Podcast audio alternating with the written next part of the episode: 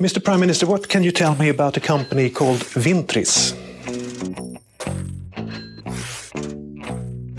Documents leaked from the U.S. Treasury Department appear to show how banks help to circumvent international sanctions, including against Iran and Syria. Peningar skapa alltaf óðurlega gota. Það er bara hann. Þú ert að hlusta á Kvítþótt, hlaðvarp um peningaþætti. Ég heiti Sigurður Páll Guttomsson og er umsjónum aðeins þáttarins. Þessi þáttur er styrtur af Rapid. Söluaðlar velja lausni Rapid til að einfalda greiðslur og auka sölu. Í þættinum í dag fjöldum við um hið ótrúlega magn af illa fengnu fjés sem flæður um fjármálakerfi heimsins, einn mannlega skada sem hlýst af peningaþætti og vonir um aukna samræmingu peningaþvættisvarna í Evrópu. En fyrst þetta. Þessi löggjöf ólíkt í raun allri annari löggjöf sem við höfum sem tengist einhvers konar eftirlistarðsemi er að eftirlitið fyrir fram á vegum almennra borgara. Undanfarið hefur verið þó nokkur umræða um hvort reglur um peningaþvætti gangi of langt hér á landi. Sjónarmið um frelsi einstaklingsins gegn ægivaldi ríkisins bera gjarnan á góma og ljóst er að finna þarf ákveði jafnvægi. Til þess að fjalla nánar um þessi mál er komin til minn Yngvar Smári Birgisson, lögmaður, sem hefur reynslað því að starfa innan regluverksins og hefur líst sterkum skoðunum á því. Velkomin. Takk hjá fyrir. Þú hefur nýlega líst ákveðnum skoðunum á vörnum gegn peningætti. Áður en við vindum okkur í það, hvaðan kemur áhugið þinn á þessum málaflokki? Já, þetta er ekki málaflokkur sem margir hafa áhuga á, allavega ekki, kemur ekki svona náttúrulega til fólks. En ég held þetta að byrja hjá mér þegar að uh, það að vera að setja þessa lögjöfi núverandi mynd fyrir nokkrum árum og þá voru alls konar kynningarfundir með þeim stjættum sem heyra tilherandi laun og ég er sérstaklega lögmaður, þannig að við, við föllum undir þessi lög. Og það var þannig fundur með fulltrúa frá hennu ofinbera sem var svona að lýsa þessum reglum öllum. Og ég man svona ákveðin, það var ákveðin punktur í ræðinni sko þar sem ég svona bara vakti aðtekli mína. Það var verið að tala um tilkynningaskildu lögmanna. og sem sagt svona samspil hennar er mynd við sko trúnaðaskildu lögmanna kakvar skjólstæðingum sínum. Og viðkomandi lagði til að að, skjól, að við auðvitað sagði að við mættum ekki, ekki segja skjólstæðingum frá því að vera búin að tilkynna á og ég spurði hvað við erum bara spurður út í það.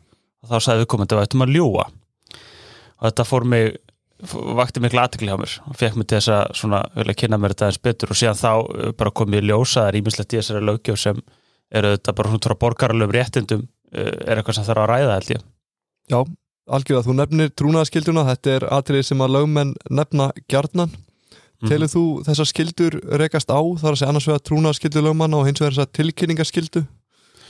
Sko trúnaðaskilda lögmanna eru þetta ævafort og svona órjúvanlegur partur af störfum stjættarinnar og jafnvel svona hortsteinn í því trösti sem almenningur hefur á henni.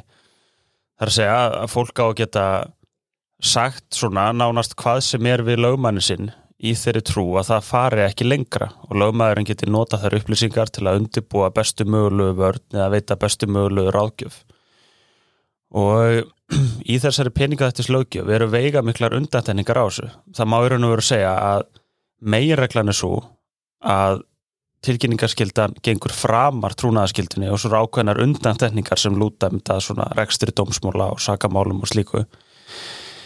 En auðvitað er þetta til þess fallið að, að draga úr trösti almennings á, á lögmönnum ef það getur ekki almennilega trist því að það fari til lögmann og leitir á gjárum til dæmis kannski uh, skipun fjármálhjásir eða eitthvað að hérna að lögmaðurinn bara brosi andlitaður og tilkynni þessu til lögurluna þegar fundinu líkur. Þetta er aldrei sérstök aðstæða. Já, vissulega. Aftur á móti myndu sumi segja að þetta er mynd að auka tröst á lögmastjættinni að komi í vekk fyrir að hún sé að aðstóða þá óprúfna aðila við að fremja peningahætti og það er rétt að nefna lögmenn gegna mikilvæg hlutverki í baratunni gegn peningahætti. Þeir eru oft fyrstu sérfræðingarnir sem að komaðu sögu í peningahættis málum. Sér þú einhverja aðra leið heldur en þessa tilkynningaskildu til þess að nýta sérstöðu lögmanna í baratunni gegn peningahætti?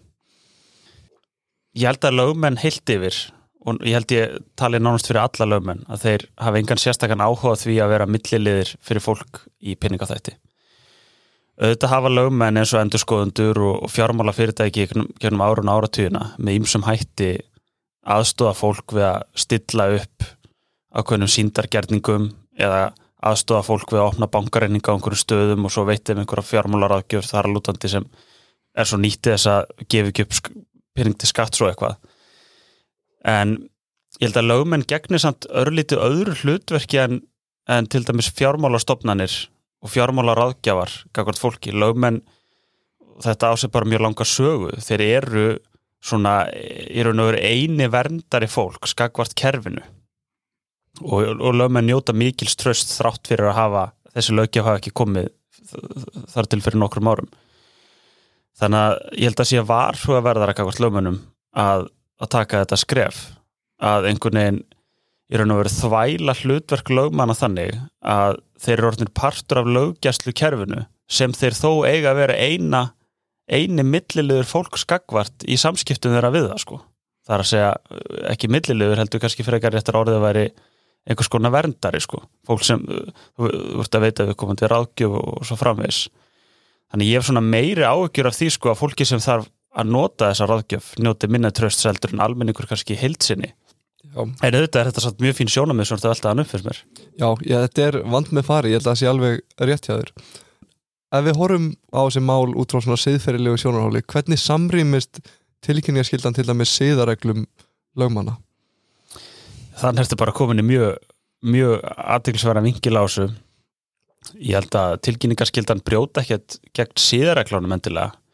Þetta eru bara lögin í landinu og, þau eru eins og þau eru en á Íslandi hefur samt átt sér stað innan lögmannastjættarinnar alveg förðulega lítil umræða finnst mér um lögin, hvernig þau snertastörf lögmanna og, og sömulegis þennan þátt að meðan að Erlendis má finna víða fræðiskrif og jafnvel dóma sem að fallið um þetta þar, þar sem að það er svona verið að reyna íta tilbaka við, var, ég man ekki eftir því að það átt sér stað einhver djúb umræða með að lögmanna þegar lögum voru sett um þennan vingilaðum til dæmis Nei. og þegar ég kom með fram með þessa gaggrinni þannig fyrir nokkru vikum þá voru ímsi lögmenn sem rættu við mig á þeim nótónum að þeir eru rosalega sammóla og það voru nú mjög góði puntar en menn kynni nú kannski ekkit svona við að taka upp hanskan fyrir það að peningahættislaugjöfun var, var eitthvað fyrðuleg því að það væri nú svona ekki góð ölsing fannst þeim sko. Meðan það hálf grátlegt að heyra frá, frá jafnvel virðingaverðu fólki. Ég átt að mæla því að við erum ekki að mæla peningahætti bót hérna þó séum að ræða svona hvaða útfæsla sé heppilegust í barátunni Nú, nú erum við ekki að því. En þú sjálfur, hefur þú lendið í aðstæðan þar sem þú þurftir að tilkynna grunum peningahætti í tengslu starðitt? Nei, ég hef nú eh, blessunarlega ekki lendið þeirri stöðu og ég held að eh, lögmönnum finnist það mjög óþægilegt. Já að, að, að tilkynna umbjóðundu sína það hérna en, en það er kannski, þú veist svo, svo ég tengi þetta við sko kannski svona megin það sem mér finnst mest að í þessari lögjöf í helsinni mm. og það er bara kjarnin í henni er að þessi lögjöf ólíkt í raun allri annari lögjöf sem við höfum sem tengist einhvers konar eftirlistar er að eftirlitið fyrir fram á vegum almennra borgara í staðis að það fari fram hjá eftirlistofnunum eftirlistofnanunar hafa fyrst og fremst eftirlit með borgarunum að þeir sinni eftirliti með nákvæmum sínum. Þannig í þessari löggjöf er verið að taka fjölda einstaklinga á fyrirtækja og hefur ofenbæra segir ef að þú hefur ekki eftirlit með samborgunum þínum og tilkynni þá ef það er grunur pinninga þetta, þá er þér refsað eins og manneskinu sem stundaði pinninga þetta. Og við erum auðvitað með fjölmörg dæmi á 20. eldinu um sambarilega löggjöf sem er þá yfirlegt lögð fram á mjög annarlögum fórsendum þess er það vissulega ekki en í grundvallar atriðum þá svona sem stöðnismæður borgarleira réttinda þá finnst mér förðulegt að, að vera settur í þá stöðu. Hvort sem það snýra peningafætti eða öðrum afbrotum að ég þurfi að tilkynna fólk til örlunar annars verður mér efsað En er lausnin þá að hafa hér mjög íþingjandi og umfangsmikið ofinbert eftirlit? Væri það betri kostur? Þetta er náttúrulega ákveðin sérstað þessar aðeila, það eru til þess aðeila tilgreindir í lögunum eins og fjármálafyrirtæki, lögmenn, endurskoðundur og fleiri. Uh mhm. -huh. og þetta er vissulega spurningin, er verið að gera þess aðeila, er þetta framlenging á lögjæsluvaldinu mín skoðun svo að þeir eru einungis að tilkynna, hef ekki endilega að, að rannsaka málið ítalega það þarf kannski bara meiri fræðslu en, en Þið þurfum að sapna gögnum um ykkar viðskiptæðinni uh mhm. -huh og þið þurfa að greina gögnin og ef svo greining leiði til ákveðina niðurstöðu þá tilkynnið við komandi til lörglunar það er ákveðið eftirlit með ykkar viskitaðunum Algjörlega. Og viltu þá meina að það sé dæmi um að til, þessi skilda aðila hafi einhverju til einhverjum broti á persónuvend einstaklinga eða fyrirtækja? Nei, ég get nú ekki, ekki, ekki fullurt um það sko. Uh, ég menna ef að, ef að, ef að vinsla persónuupplýsingar og grundulli lagaheimildar sem þetta er Mhm. þá er það svona vendarlega í fínu lagi það er kannski fyrst og fremst þetta sjónar mið um það að í mínum huga er það bara ekki hlutverk einstaklinga og fyrirtækja að við hafa eftirlit með samborgur sínum og tilkynna til örglunar. Við getum auðvitað náð blúsandi árangri í, í baráttunum við alls konar afbrot ef við, ef við segjum ef, að þau eru ekki tilkynnt í öllum tilvíkum þar sem þú heyrir kannski að frendiðin eða bróðin eða svo framvegis að við fram með afbrot. Sko, ef við myndum setja slíka tilkynningar skilda fólk þá myndi það auðvitað leiða til þess að tilkynningum myndi fjölga.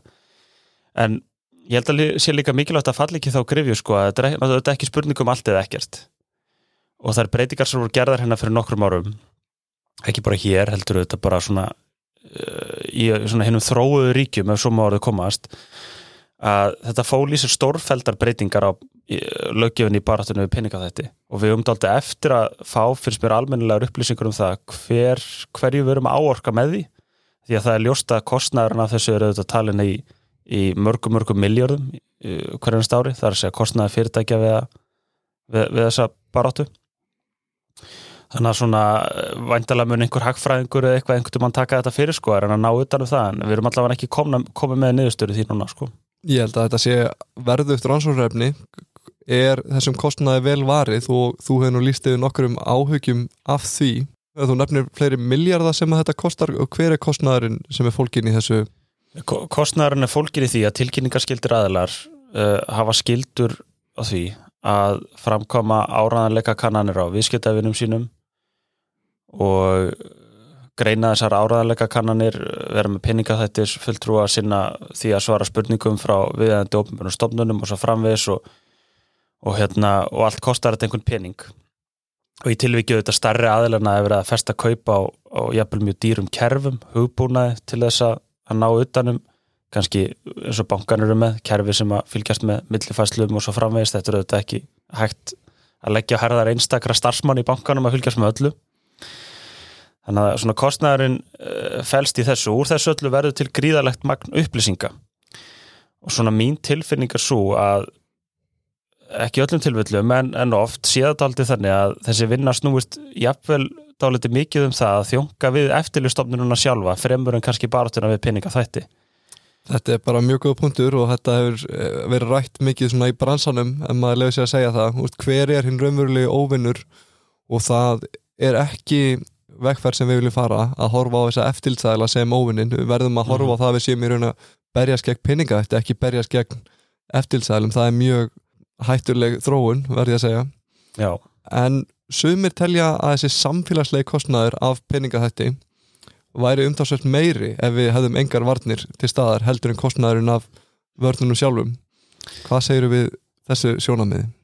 já sko þetta er eitthvað sem er mjög erfitt að meta.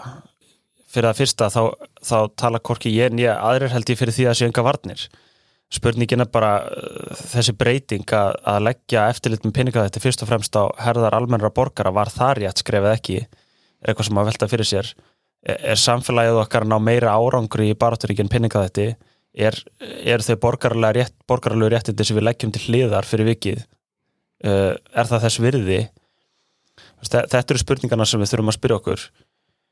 Og mér, mér finnst allavega ljóst núna að það hefur svona ekki alveg komið fram nægilegar upplýsingar til, til að meta þetta.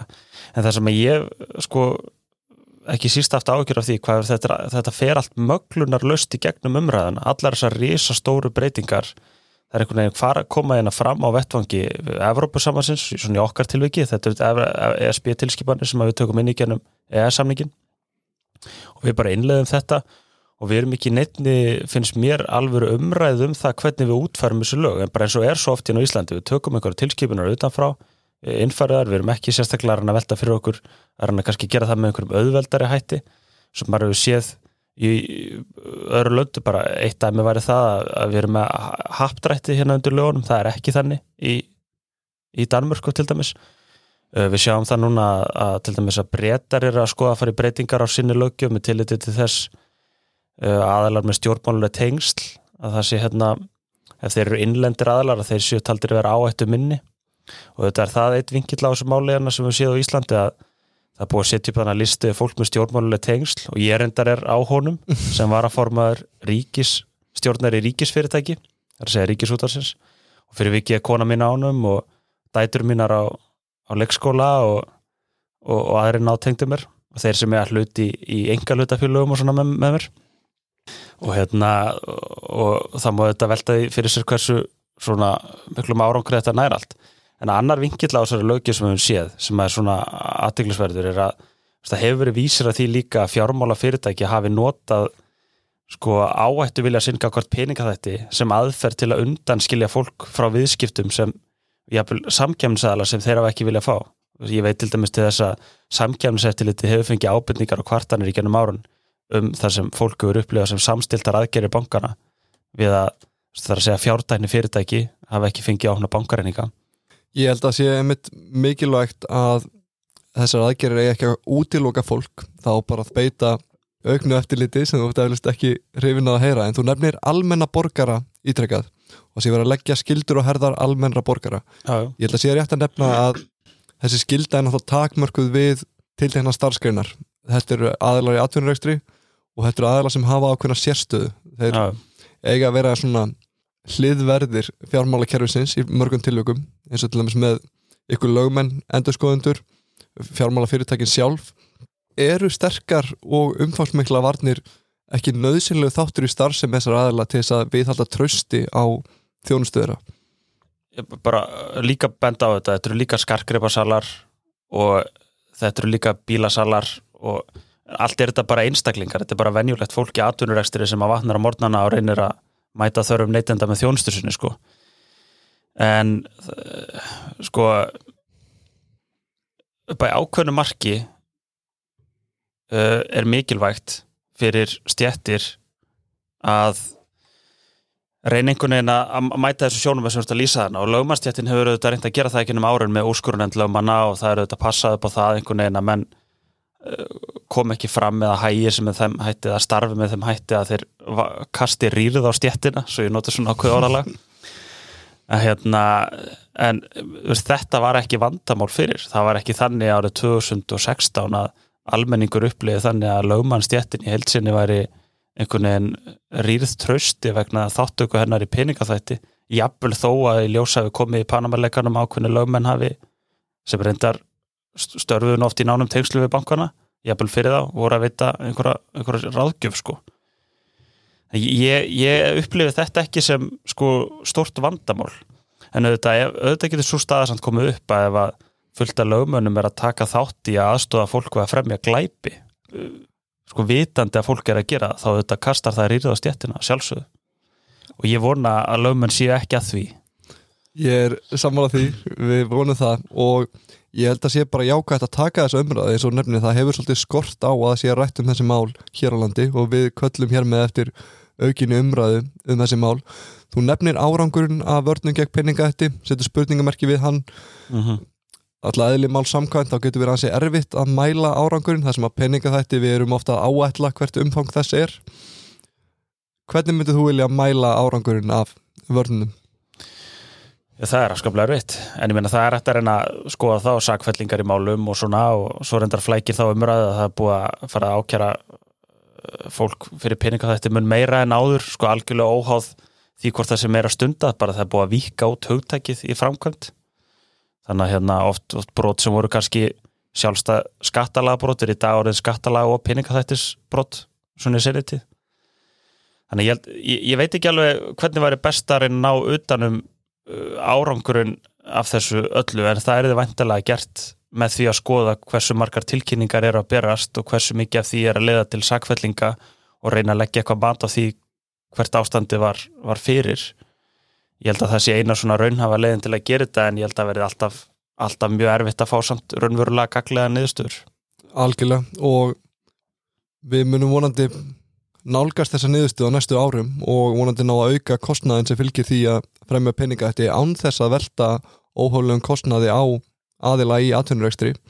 En Einmitt. að að lokum hvernig sér þið fyrir þér að við náum jafnvægi milli árangursríkra peningætsvarna og þeirra áskoruna sem við höfum rætt hér? Kostnaðar, trúnaðaskildunar og jafnvel persónavendar Ég held að við þurfum að horfa náið á hvað önnur ríki í kringum, kringum okkur er að gera. Það er að segja hvaða atvinnurekstur uh, verður mögulega undan skilin á næstu árum með grunar að þetta fari eitthvað aðeins í þátt að þetta fari þá endurskoðun á sko uh, hversu ítarlegar áræðilega kannanir þurfa að vera og, og hérna auðvitað ef það tali vera lítil á þetta þá er heimilt að vera með minna ítarlegar áræðilega kannanir og svo framvegs en þetta svona fyrsta kast sem við sáum, veist, hvaða atvinnugreinar falla undir þetta okkur og svona, ég held að það geti alveg breyst. Sömulegis þessi gríðarlega gagna öflun í gennum áraðanleika kannanir sem ég held að sé bersýnilega í yfirknafandi meiruluta tilveika ekki að þjóna hlutverki sínu. Það er að segja að fólk sé spurt veist, við hvað vinnur hvaðan koma peningarnir sem þú notar í þetta samband skilur, veist, ég held í tilveiki bifriðasala og lögmanna og svona þá breyta þetta afskaplega litlu. Veist, það, það blasir auðvitað við í flestum tilvikum þegar við komum til að stunda peninga þetta í til dæmis veist, ef við komum til að reyna að kaupa Tesla á 7,5 miljón með, með reyðufjö skilur þá er það augljóslega eitthvað sem kannski þarf að, að skoða og, það hvort við komum til að haka við hann uh, sem múrar eða ekki held ég að sé ekki aðalatriði þar sko.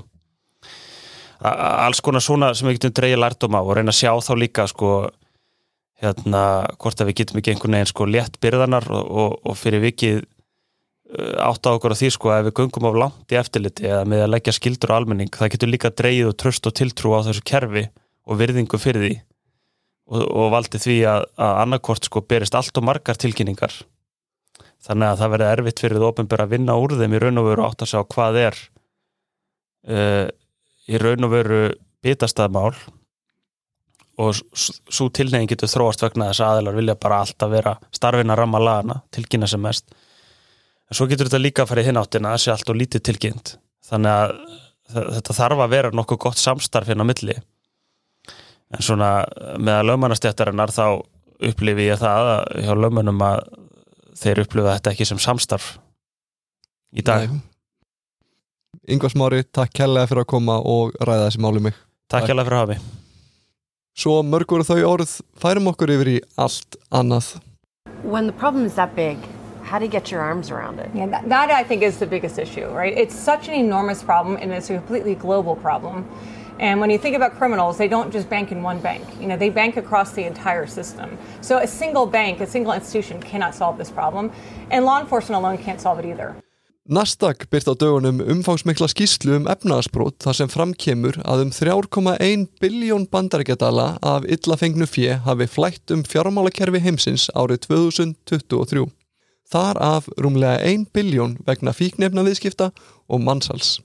Það getur verið erfitt að setja tölur af þessari stærðagráðu í samhengi en 1 biljón jafngildir 1000 miljörðum. Upphæðin sem umræðir nefnum því um 428 biljónum íslenskar króna sem eru nægir fjármunir til að reka íslenska ríkið í meir en 300 ár. Það er að segja ef við erum bjarsinn og trúum því að útgjöld ríkisins muni ekki aukast til muna. Hluti af þeim neikvæði áhrifum sem peningaþætti hefur á samfélagið verður þó sent mældur í krónum eða aurum. Hinn mannlegi skadi. Saga Tímju Nagi, fórnalams mannsals og síðar baráttu konu gegn mannsali er dæmi um þetta. Hi, my name is Tamia Nagy. I came from Budapest, Hungary in 1998 to fulfill a summer job as a babysitter. Unfortunately, I was taken away and I was forced into sex uh, industry. I was a sex slave for three months. I am a sex slave survivor and a human traffic survivor. 14 years later, I started my organization, Walk With Me Canada Victim Services. Tímja er eina af þeim einstaklingum sem segir sögu sína í en þar er að finna fleiri áhrifamikil viðtöl við einstaklinga sem hafa hlotið mikinn skada af glæpastarsemi. Glæpastarsemi sem þrýfst ekki án peningaþvættis. The time has come for the EU to properly address its money laundering issues, at least in theory. Following a series of scandals, including Danish Danske Bank's 200 billion euros money laundering embarrassment, the European Commission wants to create a new dirty money supervisory agency, the Anti Money Laundering Authority. Nýju Evrópuríki hafa á síðustu vikum og mánuðum barist innbyrðis um að hýsa nýja peningaþvætti skrifstofu Evrópusambandsins, AMLA. Stopnuninni er ætlað að hafa beint eftirlit með áhættumestu fjármálafyrirtækjum Evrópu og samræma aðgerðir Evrópuríkja í vörnum gegn peningaþvætti og fjármögnun hriðiverka. Þann 22. februar síðastliðin tilkynnti Evrópusambandið að stopnunin verður til húsa í Frankfurt í Þýskalandi, rétt handan við hornið frá Sæðlabanka Evrópu.